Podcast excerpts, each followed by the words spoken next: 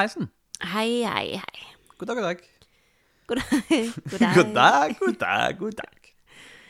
Hvordan, eh, hvordan går det? Eh, middels minus, kanskje? Middels minus. Ja, Ja, er det en sånn dag? det er en sånn dag. Fortell. Fortell. Eh, n- det, det er alle tingene som skal gjøres, og så eh, ikke overskuddet til å gjøre de så fort jeg skulle ønske. Mm. tror jeg, først og fremst. Og så eh, Og så eh, Jeg er bare litt, litt nedpå. Mm. Det er liksom det, det er grått lys ute, og øyelokkene er litt ekstra tunge. Alt er litt, eh, alt er litt tungt for tiden. Ja. I går så plukket jeg opp den første døde høna. Det var skikkelig nedtur. Det var det, det Altså, halloi. Har du en flokk som er Det er bare en viss størrelse, så må jo det skje en gang iblant. Men det er litt nedtur, og spesielt da kanskje fordi jeg mistenker at vi har ei til som har fått slag. Eller noe sånt. Mm. Hun spinner litt rundt og oppfører seg litt rart. Mm. Så eh, jeg må vel krakke henne òg, kanskje. Jeg har ikke lyst. Nei, vi vet jo ikke um, Det er jo Vi vet jo ikke helt alderen på disse fuglene vi har. Hun er ikke gammel, jeg. Nei. Altså, ikke veldig gammel. jeg. Hvis du ser på beina på henne, så, Mm. så er de langt ifra gamle bein. Ehm, Men um, det er noe dritt. Av og til så blir eh, dyr syke. det gjør de. En annen ting som frustrerer meg, er eh, pusekatten som insisterer på å kvesse klørne på alt. Ja. Jeg, jeg vurderer å begynne å gå med en, en, liksom en, en haug med sånne ertepåser eller noen sånne ting, så jeg kan bare kaste etter katter hver gang hun kvester et eller annet. Det, jeg blir tussete av det. Men du, vi, vi kan jo kjøpe en sånn der eh, klore Et klorebrett eller noe. Det er jo ikke rart at hun kvesser klørne på alt når hun ikke har noe Som vi får lov til å kvesse, men Ja. ja. eh, Framskritt der, da. Nå er det jo en stund siden vi har snakket om katten, men, eh, men Muskat har da altså blitt en utekatt siden sist. Hun har drept en mus! Ja. Ha! Ha! Muskatt er en musekatt. Hun både har mus og har tatt mus. Åh.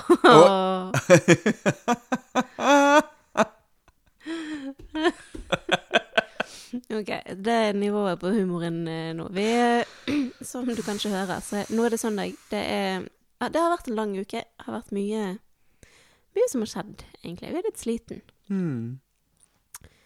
Men eh, det er jo Det er jo mange hyggelige ting som har skjedd òg. Ja, er du galen? Vi skulle jo um, Vi har jo bestemt at vi skal begynne disse episodene med tilbakemeldinger hvis vi har fått noen siden sist. Ja! Så vi kan begynne med Ja. Den hyggelige meldingen vi fikk. Det var veldig stas. Eh, Det tikka inn en e-post. Til hallo at gjengevold.no. Yes. Eh, og da sier hun Eri Anette Hei! Hei! Så utrolig fint å høre siste episoden. Jeg er så glad dere snakker om matpriser. Bønder er undervurdert og underbetalt i Norge. For moro skyld sjekket jeg hva en avløser ville fått betalt. Og for å si det sånn, det var ikke pengene som lokket. Jeg har masse tanker om hva som burde gjøres annerledes i norsk landbrukspolitikk, men jeg skal ikke gå inn på det her. Jeg er kjempefan av prosjektet og pludrekassen deres. Stå på! Jeg heier på dere. Så trivelig. Det er veldig, veldig koselig. Så sier, oh. så sier hun noe her på slutten for oss å få oss til å chille litt. Grann. Og det hører vi jo i dag at vi trenger. Hva sier hun? Hun sier ikke glem at det er lov å ikke mestre alt hele tiden, og pust der dere kan. Nivået for kjempeflink, med anførselstegn, er en minimumsstandard. Dyrene får det de trenger, og at dere tar godt vare Jeg tenker, det det mangler noe her. Og at dere tar godt dere selv. Så jeg tror det tar godt vare på, tipper jeg. Så dere er kjempesuperduper flinke. Masse klemmer til dere og dyrene.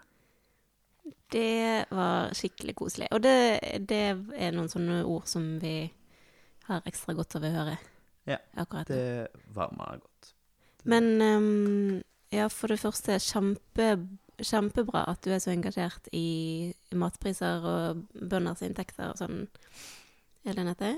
Um, og du sier at du har masse tanker om jordbrukspolitikk som du ikke skal ta opp her, men vi, er jo, vi vil jo veldig gjerne høre det. Så Ja! kom gjerne og del eh, alle de gode tankene du har. Apropos matpriser, vi snakket jo litt om det forrige episode. Og jeg, eh, i bakkant av det så skrev jeg et blogginnlegg på Gardsbloggen vår, på Mm. gjengevold.no, som også har fått eh, en del hyggelige tilbakemeldinger. Så det her er et tema som opptar folk, og hvis vi er flinke til å snakke om det, så kan det oppta enda flere folk. Mm. Rett og slett. Mm. Vi slutter å uh, tie stille så mye. Jeg syns jo det er vanskelig å mene ting sånn sterkt og høyt. Eh, Heldigvis er du gift med en dame som gjør mye av det. ja, det er veldig praktisk. Eh, så kan jeg mene ting om det hjemme, og så kan du mene ting om det ut. Eh, jeg innser at jeg kanskje i dette formatet kan finne på å mene litt av og til. Mm. Eh, for det er veldig praktisk når jeg ikke ser ansiktet til de som kanskje er uenige. Men det å snakke er jo Formatet prating og formatet podkast er også Jeg føler at det er en måte å formidle meninger på som, eh, som gir mindre grunnlag for misforståelser og, og det at man tolker ting i verste mening. Fordi når du hører noen snakke, og hører toneleie og resonnementet mens man prater, så syns jeg at man får mer eh, informasjon ut av det enn hvis man bare leser en tekst. Ja, men det vet vi jo. At det er sånn. Ja, Derfor er ikke det så skummelt å mene noe på podkast. Sånn, ja. ja. Jeg, tror, jeg tror det er vikt, viktigere for, for min del at det ikke er noen som ser på meg mens jeg gjør det. Men da kunne du jo skrevet en kronikk òg, da. Ja, men, men da har jeg så mye respekt for uh, uh, det disse andre menneskene der ute kan mye mer om enn meg. Uh, så det er helt sikkert noen som kan noe mer om hva nå enn det jeg mener noe om, som viser seg å være noe annet enn det jeg mener om det. Eh, og, og derfor burde jeg tie stille. Ja, det burde du ikke. Men eh, jeg skjønner at du føler det litt sånn. Mm. Men du, Ja, andre positive ting som skjedde denne uken. Vi fikk besøk på torsdag. Ja, det gjorde vi. Det var, var kjempestas. Hei, Anni. Hallo! Takk for besøket. Skikkelig trivelig. Det var vårt første eh, fri... ikke frivillig besøk, men eh, besøk av en person som ville jobbe dugnad på gården, og som egentlig ikke kjenner oss fra før. Ja, for det var òg en sånn eh, melding som kom litt sånn ut av det blå. På Insta en dag. Mm. Hei, eh, har hørt på Pludrekassen. Syns det dere holder på med er kult. Kommer gjerne og tar i tak en gang. Så tenkte vi Hø. Så da spurte vi Når passer? Vi har alltid behov for hjelp. og så ble det stille en stund. Og så plutselig kom det en melding. 'Nå har jeg funnet ut av eh, turnusen min. Jeg ledig disse dagene.' Kjempegøy. Kjempestas. Så da, da kom hun Anni eh, og, og ble med, og slapp eh, blant annet grisene ut på større beite. Det var stas. Så Anni, tusen takk for hjelpen, og du er hjertelig velkommen igjen når du måtte ønske det. Ja. Og det er alle andre som hører på òg, egentlig. Så lenge du har lyst til å komme og ta i et tak, så er du hjertelig velkommen til å besøke oss. Og det er jo Jeg syns jo um, Jeg syns jo det er en skikkelig fin erfaring å se at disse greiene vi driver med, det tiltrekker seg nye mennesker som vi ikke har møtt før, Mm. og som vil, har lyst til å involvere seg. Mm. Eh, og det er på en måte et lite eventyr. Jeg ikke det? Syns du ikke det? Jo. Jeg syns det, det er jo alle sånne større skifter i livet eh, som involverer liksom flytting eller ny jobb eller eh, eh, nye partner eller altså, Alle disse liksom større endringene bringer jo med seg himla mye nye folk, Mm. i tillegg til liksom det andre greiene.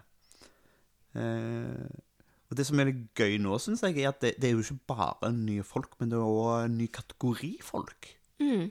En helt ny type mennesker som vi ikke har hatt så mye med å gjøre før. Mm. Det er Disse- veldig, veldig stas. Det er så mye bra folk vi treffer om dagen. Mm. Det er både naboer og kollegaer. Og når kollegaer i denne sammenhengen er jo, er jo liksom andre raddisprodusenter av, av fôr, mat, dyrehold og sånn. Ja. ja, nei, jeg syns vi Jeg føler meg skikkelig heldig som eh, eh, Som Altså, at vi har satt oss i en posisjon hvor mange kule mennesker bare ramler inn i livene våre. Det, Mm. det er veldig kult. Men ehm, ja, i går, apropos apropos raddisprodusenter, så var vi også på søndagstur, eller lørdagstur, da. Ja, det var stas. Det Mm. var veldig stas.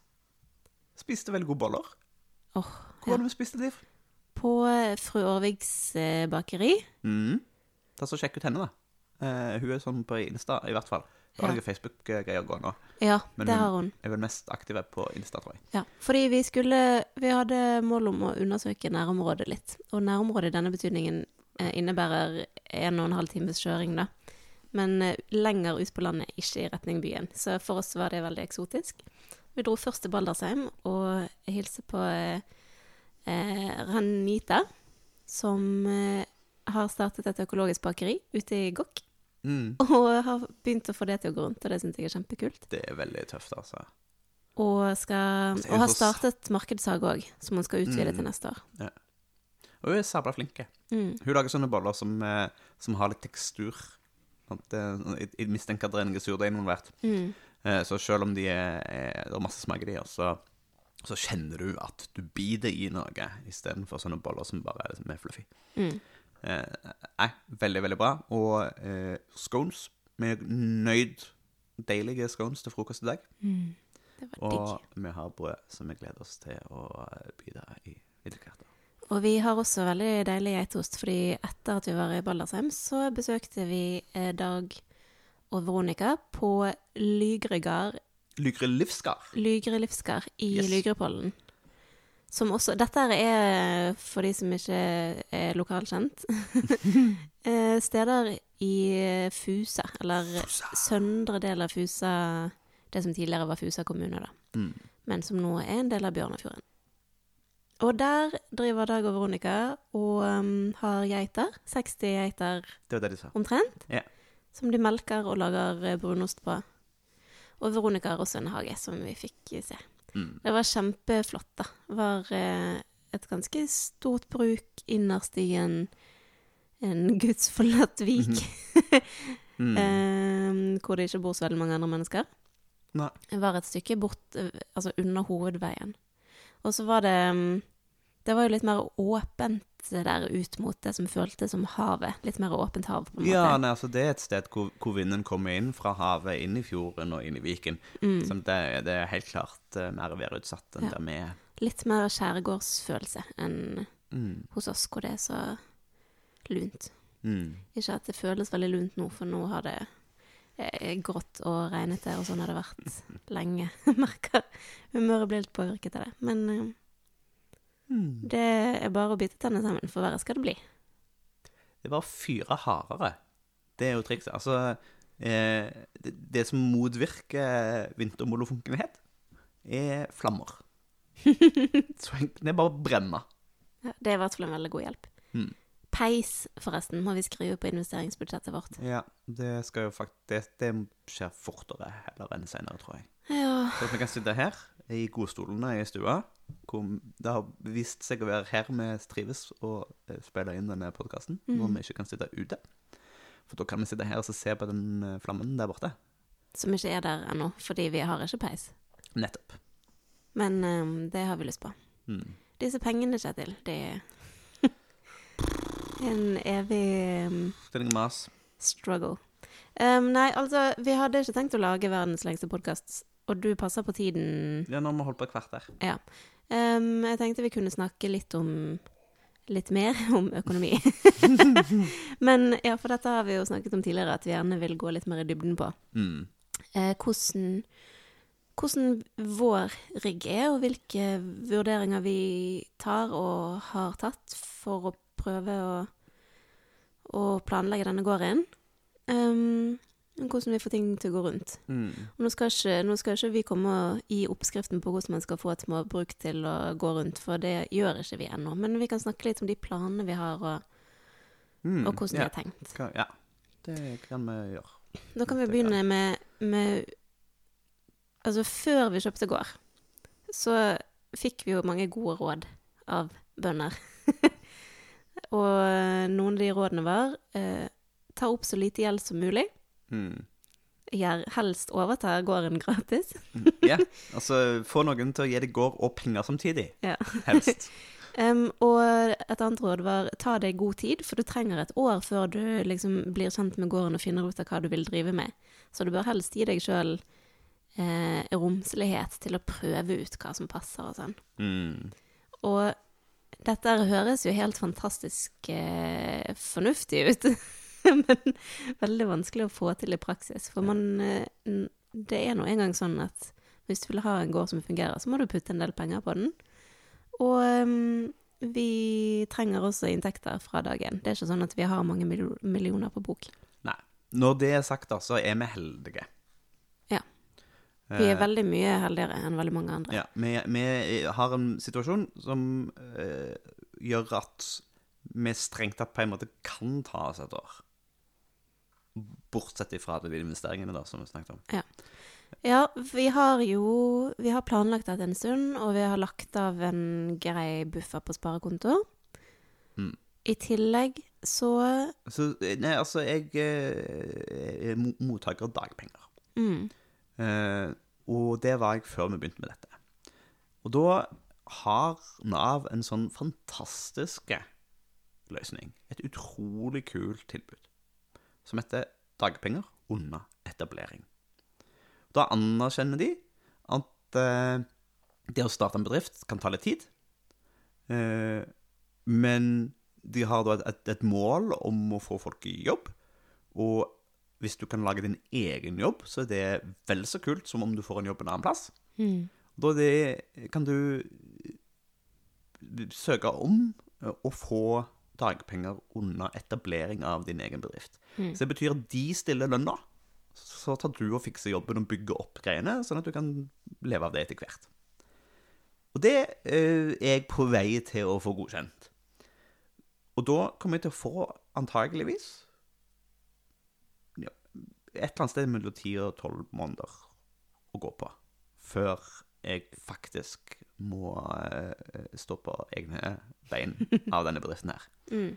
Men da får vi det året til å finne ut av ting. Ja. Så det er fint. Så vi, vi har det er litt mer fleksibilitet der, da. Det er jo Det er til en veldig stor hjelp. Men uh, Men det er jo dagpengesats, da. Det er jo ikke full lønn. nei. Men det er en, eh, en garantert minstelønn som uh, gjør at vi overlever. Nettopp. Så det, vi, ikke, vi må ikke ha inntekt, men vi kommer ikke så veldig mye lenger hvis vi ikke får noe mer inntekt. Altså Ja, og når du sier vi, så mener du du, fordi vi er fremdeles avhengig av at jeg også har en inntekt. Ja. Det, du, har jo, du har jo på en måte tatt børen, da, og ofra deg for at uh, vi skal få til dette her. Eh, og har fått deg kontorjobb. Jeg flyttet ut på landet for å slippe å jobbe så mye på kontor, og endte opp med 100% jobb på kontor. Men mm, det går jo fint, tror vi. Ja, du må bare bli kvitt litt av det og bli ferdig med de andre tingene dine. Du har hatt litt for mange Litt for mange jern i ilden. Ja. Det kommer til å stabilisere seg nå. Så det blir bra. håpe. Det er jo sånn at det alltid Ja, det kan vi jo det kan vi, Sjelekvalene kan vi jo snakke mer om en annen gang, men det vil jo alltid være mer jobb på gården enn det jeg har kapasitet til å gjøre. Um, og den derre alltid mer enn vi begge to til sammen har mulighet til å gjøre. Ja, men um, jeg tror nok jeg hadde hatt mindre dårlig samvittighet hvis jeg hadde kunnet bruke hele arbeidsdagen min hver dag på gårdsting. Mm. Jeg hadde ikke følt så mye press, i hvert fall. Men uh, nå kan jeg jo ikke det, fordi jeg er hele arbeidsdagen min på, på den andre jobben min, den eh, ordentlige jobben min, og så må jeg bidra det jeg kan på gården utenom. og det håper jeg jeg eh, lærer å leve med på en god måte, for nå Det- kjenner jeg ja. eh, ekstra mye på Nei, Der må vi finne en balanse, sånn at du ikke brenner deg helt ut. Mm. Det, der har vi, det er en reell fare, tenker jeg. Mm. Det går an å gå på noen kraftige smeller her. Men sånn for gården sin del, da, så er jo da økonomien vår nå basert på det. At jeg har en fulltidslønn, og du har en dagpengelønn Mm. eh, en god stund fram i tid. Ja. Og det gir oss jo litt økonomisk handlingsrom. Vi, vi har ikke kniven helt på strupen, vi har litt tid til å teste ut ting, men selvfølgelig eh, Planen er jo at vi skal eh, bruke denne tiden nå på å bygge opp en bedrift som går rundt og står på egne bein. Mm. Og da har vi jo tenkt mye på hva er det vi kan produsere, og hvilken driftsform eller hvilke driftsformer kan vi ha som både er i tråd med det vi står for, og de verdiene vi har, men som også kan generere inntekt. For det må man som bedriftseier jo alltid tenke på. Mm. Um, nesten, dessverre. Fordi vi er jo glad i dyr og skulle gjerne hatt det sånn Skulle gjerne bare hatt flere og flere dyr og, og bare kost på dem. Mm. Men dyrehold innebærer jo òg at de vi en gang skal Mm. Sånn at vi kan lage matvarer og, og andre produkter som Ja. vi kan selge. Så eh, men Skal vi ta dyr for dyr, da? Vi kan jo først eh, ta eh, helheten, tenker jeg. Eller eh, hele forretningsmodellen vår baserer seg jo på at vi produserer ting i ganske liten skala, tar tilbake alt etter slakt eller produksjon og selger direkte til forbrukere. Um, primært gjennom Reko eller andre direkte salgskanaler. Fordi vi tenker at uh, når man skal drive med sånn produksjon som vi gjør, som ikke er storskala eller som ikke har noen stordriftsfordeler, så er det kvaliteten vi kan selge. Det at vi produserer av veldig høy kvalitet, at det er lokal mat og småskalaprodusert og håndverkslaget, eh, og at vi selger til de kundene som vet å sette pris på det, og som vet å sette pris på mat som er laget under gode dyrevelferdsforhold og, og med tanke på miljø. Mm. Og det betyr vel at de produktene vi kommer til å lage, blir dyrere enn andre produkter. Um, men samtidig så sitter jo vi da igjen med hele fortjenesten. Det er ikke sånn at vi må selge til grossist eller uh, Nei, vi kutter jo en del mellomledd. Ja. Så, uh, Så det kommer både oss og forbrukerne til gode, da, som handler for oss, tenker jeg. mm. Da får de også muligheten til å kjøpe de produktene som de ellers ikke ville kunnet få tak i.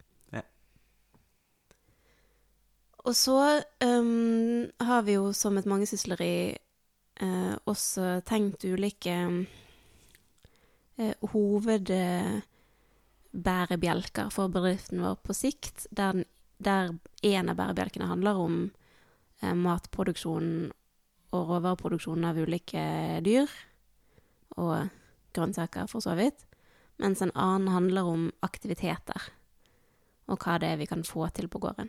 Mm. Så vi kan jo snakke litt om de aktivitetene òg etterpå, hvis vi får tid til det.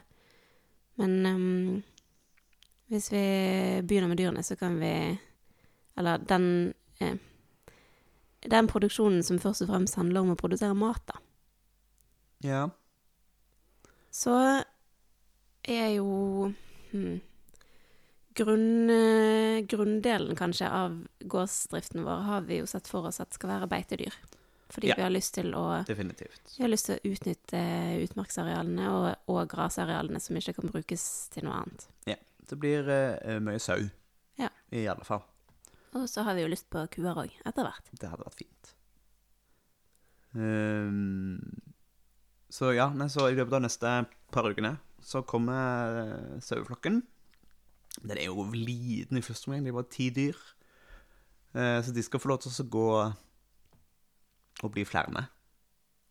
Og så får vi se det litt an neste høst. Altså, det kan godt være at det er noe vi ikke har lyst til å avle videre på uansett, sånn at de skal få lov til å, å, å gå videre og bli pulser. Men det kan godt være at vi tar vare på ganske mange, sånn at det å få liksom sauebestanden opp og en god produksjon av sauekjøtt, det kan være ta litt tid. Mm. Men der er det òg en balansegang. Vi kan ikke ha Vi kan ikke ha kjempemange dyr. Det har ikke vi fjøs til, og det har ikke vi Mm. ressursgrunnlag til. Så det, det handler om å finne den der sweet spoten. Ja. Og så er det jo det at eh, sauekjøtt nå for tiden eh, får man jo ikke betalt for. Det, man må jo nesten betale penger for å levere til slakt, får ingenting igjen. Sånn at eh, vi må finne måter å, å selge og videreforedle det kjøttet på, på en måte som gjør at vi får merverdi av det. Mm. Så um, det blir vel eksperimentering med, med fårepølser og fenalår. Og så har vi lyst til å selge skinnene. Ja, og prøve å finne måter hvor vi kan få mest mulig ut av det Ja. lille kjøttet vi har. Eh, og, og uavhengig av eh, Altså, de produserer ull uansett, men eh, siden vi har tenkt å ha utgangere, så kommer de jo til å ha helårsull. Den er jo ikke særlig mye kvalitet å selge, men det vi kan bruke den til, er å, å lage eh, Tova-filtprodukter og selge de. Mm. Eh, så det er en måte å eh, skape merverdi av det som nesten da blir et slags avfallsprodukt. Mm. Eh, fordi det Altså, du, ja, du får ikke noe penger for det når du selger det. Eh, men det er jo en fantastisk råvare. Ja. Ull rocker. Og det er vel det vi ofte kommer til å erfare, at vi omgir oss med fantastiske råvarer. Men mm, i, alle, i alle de tilfellene så må vi alltid ta en vurdering på eh, hvor mye arbeid og tid eh, må vi legge ned for å lage produkter av dette her, og hvor mye får vi igjen til slutt. Mm. For eh, vi kan jo lage Det er jo bare fantasien som setter grenser for hvor mye kule ting vi kan lage. Men hvis vi arbeider oss i hjel og nesten ikke sitter igjen med noe fortjeneste, så, så kan vi ikke gjøre det likevel. Så der er det liksom idealismen mot eh, rasjonalismen som Ja, og det er jo fin segway til grisene. mm, Idealisme versus eh, eh, pragmatisk eh, tilnærming. Ja, for griser var jo ikke det vi primært hadde tenkt å drive med, og det skal vi jo heller ikke. Men eh, når vi kom i gang her, eller i sommer da, før vi skulle overta gården, så prøvde jeg å tenke på hva er det vi kan sette i gang med raskt som gir noe fortjeneste i år. Kan vi produsere noe før jul? Og da falt jo valget på griser, fordi eh, slaktegriser vokser veldig fort, og man sitter igjen med ganske mye kjøtt. Um, så derfor fikk vi inn ti griser som vi nå skal uh, fòre opp og slakte til jul. Mm. Og det er mm, Hvis du tenker på ressurser, lokale ressurser, så er jo ikke det griser liksom, Griser er jo overhodet ikke like kule som beitedyr. De er jo avhengig av uh, kraftfôr eller korn eller De, ja, de trenger Ja. en fôrinnsats De kan ikke bare leve av gress. Eh, og vi har heller ikke de beste beiteområdene eh, sånn lokalt på, på, på eiendommen vår for gris. Er i utgangspunktet skogsdyr. Så jeg skulle jo helst gått en annen plass hvor det eh, liksom, ramla ned eikenøtter og eh, var gode røtter de kunne grave opp og herje og styre inn i en skog. Mm. Da hadde de vært på sitt beste sted eh, og fått mest mulig fôr fra, fra det naturlige. Da. Mm. Eh, nei, istedenfor så ender vi opp med sekk på sekk på sekk med kraftfôr. Vi spiser jo noe voldsomt. Mm. Og så ramponerer de beitet vårt i tillegg noe voldsomt. Så her er det jo en sånn vurdering Vi vil at de skal ha det bra, så de skal jo flytte oss til nye steder så ofte vi syns det er greit. Mm. Eh, sånn at de kan grave etter røder nye steder, kose seg og gjøre greiene sine. Griser rundt. Samtidig, da, hvis vi så det, vi, vi kan herpe all marka vi har med disse ti grisene fram til jul, Mm. hvis vi har lyst. Det har vi ikke lyst til, for det, det kommer noen sauer som skal beite der. Så at, uh, dette er et, et fornuftig eh, grisehold. Sånn bland, det, det, det, her, det her møter liksom fornuften, idealismen, eh, i, i liksom det, mest eh, potente, tenker jeg. Mm. Eh, fordi det, det er stas å kunne gi griser et godt liv. Og det er stas å se hvordan de oppfører seg sånn som de er lagt, lagt for å være. Ja. Eh, Jeg har sånn opplevelsen av at man har liksom Man sluppet fri ti griser fra betonghelvetet. Vi kjøpte tre, ti sånne rosa griser gjennom fastland. Og hadde ikke vi kjøpt de, så hadde de gått inn i en betonghelvete. Og istedenfor så går de her og pløyer og koser og nøffer og graf- nafser og krafser og griser rundt. Det er så fint å se på. Mm. De lever, eh, lever ut sine indre griser i Sant? Og så I tillegg så vet jeg at kjøttet kommer til å bli veldig mye bedre òg når de får lov til å grise rundt på den måten der. Ja, det håper jeg virkelig. Uh, men altså ehm, Hva var det jeg skulle si nå? Nei, snakk videre, du. Jeg glemte det. nei, nei, altså Men, men um, og, og, altså, eh, det vanskelige kommer jo inn på Det ene er det regenerative, at vi herper jord over. Altså, vi vil ikke pløye, men de der grisene pløyer jo som bare det. Ja, men veldig dypt pløyer de jo ikke. Nei, heldigvis. De tar, tar Det blir i over. overflaten. Men, eh, men det må sås etter de. Ja. For ellers så, så de, de legger bart veldig mye mark. Mm. Eh, som for så vidt, det er ikke noe dumt å, å fornye litt eng av og til. Sånn at, altså, det Men det må sås sånn at det ikke ligger bart. Mm. Eh, for da blir- sliter vi med erosjon eh, og sånt. Ja. Eh, og så føles det litt som å være forbruker når vi kjøper ferdige grisunger og aler de opp i tre måneder og sender de videre. Altså, det er litt rovdrift. Ja, ja. Men her, som nye gris, grisebønder, så er jo dette en veldig læringsrik eh, erfaring for oss, da. Definitivt. For det første så ser vi det at eh, ok, griser er veldig arealekstensive hvis man skal drive de sånn som vi vil, altså ute.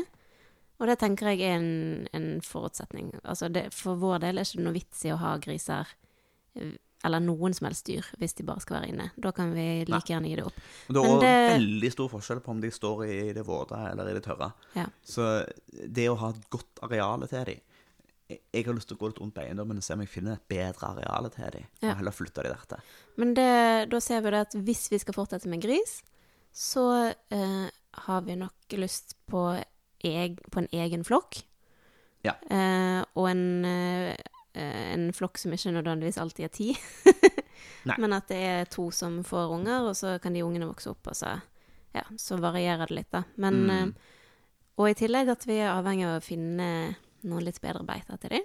Ja. Gjerne da utmarksbeiter eller skogsbeiter. Det hadde vært veldig kult å få til. Det hadde det. Så det må være mulig vi skal godsnakke med noen naboer og se om vi kan bruke noen skogsteiger eh, som grenser til eiendommen vår, eller noe sånt. Mm. Det hadde vært stas. Er- Um, hvor mye tid har vi brukt nå? Her står det 33 minutter. Ja. Da har vi dekket uh, sauer og griser. Altså, griser gir jo veldig mening i en rigg hvor man kan bruke avfallsstoffer fra andre produksjoner til å fôre dem med. For eksempel hvis vi hadde hatt kyr og Mm. ystet, så kunne grisene fått mysen. Ja. Og det syns vi jo er en veldig fin tanke, hvis, vi, Det er hvis og når vi skal begynne å yste Ja. på et eller annet tidspunkt. Det, det gir veldig mening. Mm. Eh, Så er det jo ja, og det samme med å sende de inn hvis vi skal drive med åkre eh, i større eh, På et eller annet tidspunkt skulle drive med eh, planting, mm, type rotfrukter og sånne ting over større områder, Ja. så hadde det jo vært kjempefint å så bruke de til å, rote inn og plukke opp eh, alle restene og spise de og sånt etter at eh, vi har plukket opp det vi skal. Eh, men uansett um, Mm. Vi driver jo smått, og det kommer vi alltid til å gjøre, men um, um, Men um, godt uh, utegangerkjøtt fra gris er veldig vanskelig å få fatt i uh, i de områdene vi holder til. Det er ikke så mange som selger det. Så derfor tenker vi at uh, vi har gode muligheter til å få avsetning på det kjøttet i markedet nå fram mot Ja, det tror vi. Så det har jo vært en vurdering når vi har tenkt på inntekter, og hva vi, kan, yeah. hva vi kan tjene på i høst. Så det er ganske snart så kommer det masse informasjon i alle kanaler. Yes. Da kan man forhåndsbestille. Uh, ja. Da Mm. blir det å forhåndsbestille i stort. I ymse størrelser, kanskje. Ja.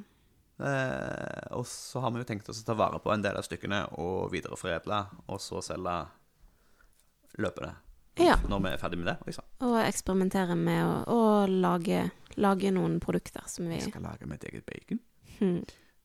Og selv om jeg ikke er en av de som på en måte forguder bacon og ville forråtte hele verden for litt bacon, eh, så syns jeg det er godt. Mm. Spekeskinke òg har vi mm. lyst til å prøve å lage. Det blir stas. Og det er jo absolutt en måte hvor man kan få kjøttstykker som i utgangspunktet ikke har så veldig høy kilopris, eh, til å få en høyere kilopris. Fordi Mm. man legger inn mer verdi i kjøttet. Ja. Eh, det tar jo også arbeidstimer, så da må man jo tenke på hvor mange arbeidstimer legger man inn kontra det man får ut. Og Yes. kan man sette en rettferdig pris. Mm. Her er det for så vidt en annen ting som jeg syns er, er, er litt kjipe og vanskelige, eh, og det er slakterivurderingen. Vi vil jo helst bruke slakteri som er lokalt, Mm. og eh, eh, smått. Altså um, Ja, det hadde Aller helst så skulle vi jo hatt noen som kom her og gjorde det. Mm. Eh, Men nå er det ingen som driver med sånt. Så da eh, er vi nødt til å sende det til noen som har godkjent slakteri. Eh, Og da har vi undersøkt, og det er en kar som er en times tid. Time og halvannen, tror jeg. Kjøring. eh, Herfra.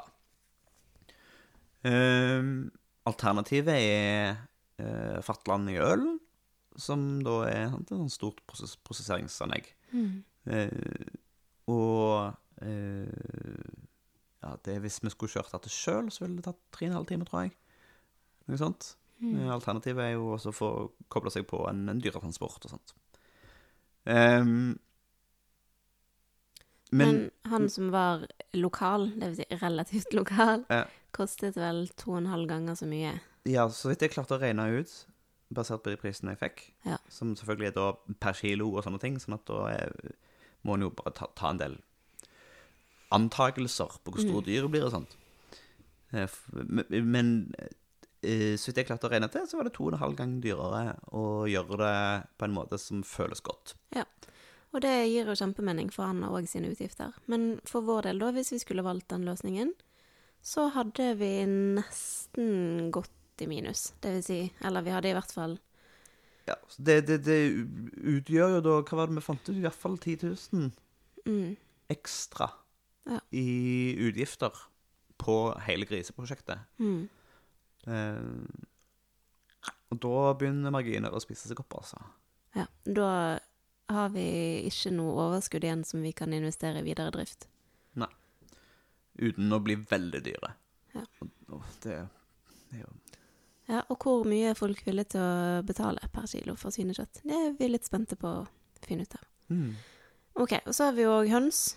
Um, og det eh, trenger vi ikke snakke så mye om nå, siden vi har så liten tid. Men der har vi jo egg, som vi prøver å få til å betale Altså, det, det bør helst gå i null og ennå litt til, holdt jeg på å si, med tanke på fòrutgiftene og sånn. Mm. Og så på sikt har vi jo lyst til å også um, produsere kyllingkjøtt. Ja. Så vi ønsker jo at de skal, altså vi skal kunne utnytte eh, eh, altså instinktene som, som islandshønene har sterkt. Eh, og et av de er jo at de legger seg klok. Eh, altså at de ligger på egg og ruger de fram og, og produserer på egne kyllinger der. Eh, så det har vi lyst til å utnytte eh, i flokken vår. At vi får en stor nok flokk etter hvert som, hvor det på en måte kan rulle og gå, og så kan vi liksom slakte ja, ti kyllinger en gang iblant. Og økonomisk sett så gir jo det overhodet ingen mening, fordi hvis man skulle drevet med kjøttproduksjon av kyllinger, så skulle man valgt en annen rase. Dette er, er små raser som ikke veier noen ting. Men for vår del så De, de er heldigvis, dette det er mediumrase, da, så de er, ikke, de er jo ikke lette. Men de er heller ikke Det er ikke dverghøns, men eh, det er ikke langt Det er ikke gjærhøns heller, de er jo bitte små. Har du sett? De er utrolig slanke. Men i hvert fall, grunnen vår til å ha lyst til å ha en del kyllinger er jo fordi at vi vil bruke hønsene aktivt i regenereringen av jorden vår. Så vi vil ha de ute på beite. Mm. Og da er en eh, bieffekt av det at vi får en del kyllinger som vi kan slakte. tror vi. Det er er og da er det snakk om å prøve å finne igjen finne de forbrukerne der ute som syns det er stas og eksotisk å kjøpe ikke verdens største kyllinger til en litt dyrere pris fordi de har vært ute på jeg, jeg har veldig tro på dette produktet. Fordi, altså, kjøper du ei hele høne, så er det Da må det være fire mann for å få spise det på en fornuftig måte. ikke sant? Mm. Men vi kan lage tomannshøner. Mm, Jeg har kjempetroen på dette produktet. så bra. Eh, Men det jeg lurer Jeg vil gjerne ha tilbakemelding på dette. Hva tror vi? Flådd eller med skinnet på? Er vi villige til å kjøpe høner som er flådd? Mm, godt spørsmål. Det er enda magrere, for masse fett ligger jo i kjøttet. Nei, jeg mener i- kinnet. Men vi lever jo for fett. Altså, Ja, Smaksmessig så mister det jo litt av den crispy greiene gående. ja. Eh, Men for oss som eh, produsent vil det være mye mer effektivt hvis vi kunne sagt frutsch og rive av det skinnet. Ja. Eh, Men jeg ser jo at det er grunn til å ha skinnet på. ja, kyllinger uten skinn er triste greier, altså. Så, men jeg kom gjerne med noen tilbakemeldinger. Eh, Hvis, hvis noen har lyst på flådd, Mm. så er det interessant å vite. Mm. Uh, ja. Og utover det så jeg vet jeg ikke helt hva jeg tenkte. Nei, eh, grønnsakshage holder vi jo på å planlegge nå. Eh, og det er jo òg en eh, Det er en veldig arbeidskrevende ting. Å drive med markedshage er kjempearbeidsintensivt. Ja, I alle fall å få satt det i gang, Ja, og komme det, få det på plass. ja. Men også å følge opp. Altså Gjennom Ja, hele sesongen er det mye styr. Det blir mye greier. Men eh, eh, grønnsaker er òg en Lokalproduserte grønnsaker er det enorm underdekning på her. Det er nesten ingen på Vestlandet som driver på med det. Mm. Og vi syns òg det er veldig stas med grønnsaker. Og det hadde vært skikkelig kjekt å kunne tilby altså, å kunne tilby kasser med ulike produkter gjennom hele sesongen. Eh, som et supplement til alle de andre varene vi har. Så vi vil jo veldig gjerne få det til. Mm. Men der, eh, det, der er ikke noe easy money, altså. Der er, det, der er det mye hardt arbeid. Så vi får se hvor mye vi får tid til. Ja, det er det jo uansett. Ingenting som kommer gratis her. Husker du hva Annie sa, forresten? Nei. Apropos. Det å, å, å, å eh, bli, bli kjent med oss, kjenne oss, eh, at vi gjør av oss sjøl og sånne ting. Nei, hun sa at eh, vi var like hyggelige som vi hørtes ut på. Ut som. Og det var veldig koselig sagt. for et kompliment. Eh, og så håper jeg at graden av koselig vi oppleves som, er høyere. For, for det sa jo for så vidt ikke det utsagnet noen ting om. Jeg håper vi høres veldig hyggelig ut. Ja. Mm. Hurra. Kom, eh, kom på besøk, da. Kom på besøk, eh, ta i et tak. Ja. Gi oss tilbakemeldinger. Yes. Bli med og spar litt møkk. OK? Drikk kaffe. Kaffe er viktig. Kaffe er viktig. Vi har for øvrig vår eh, etterlysning om Ja, da, da, ja nå, nå er det du som er med klokka. Ja, men vi, hvor mye Nei, nå, nei, nå har vi gått forbi tre kvarter. Ja, men det kan vi ikke, Kjetil. Nei. No, OK. Men eh, ta så ha en fin uke, da. Kos dere. Ja Vi snakkes. Ha det! Ha det bra.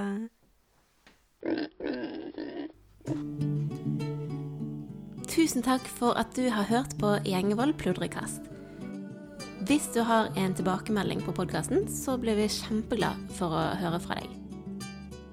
Er det noe du syns vi skal snakke mer om, eller noe vi bør snakke mindre om, så kan du sende oss en melding på e-post på hallo-gjengevold.no. Du kan også komme i kontakt med oss på Facebook på Gjengevold mangesysleri, på Instagram ett mangesysleriet, og på nettsidene våre gjengevold.no. Vi setter utrolig stor pris på å høre fra deg, og vi blir ekstra glad hvis du har lyst til å dele denne podkasten med en venn.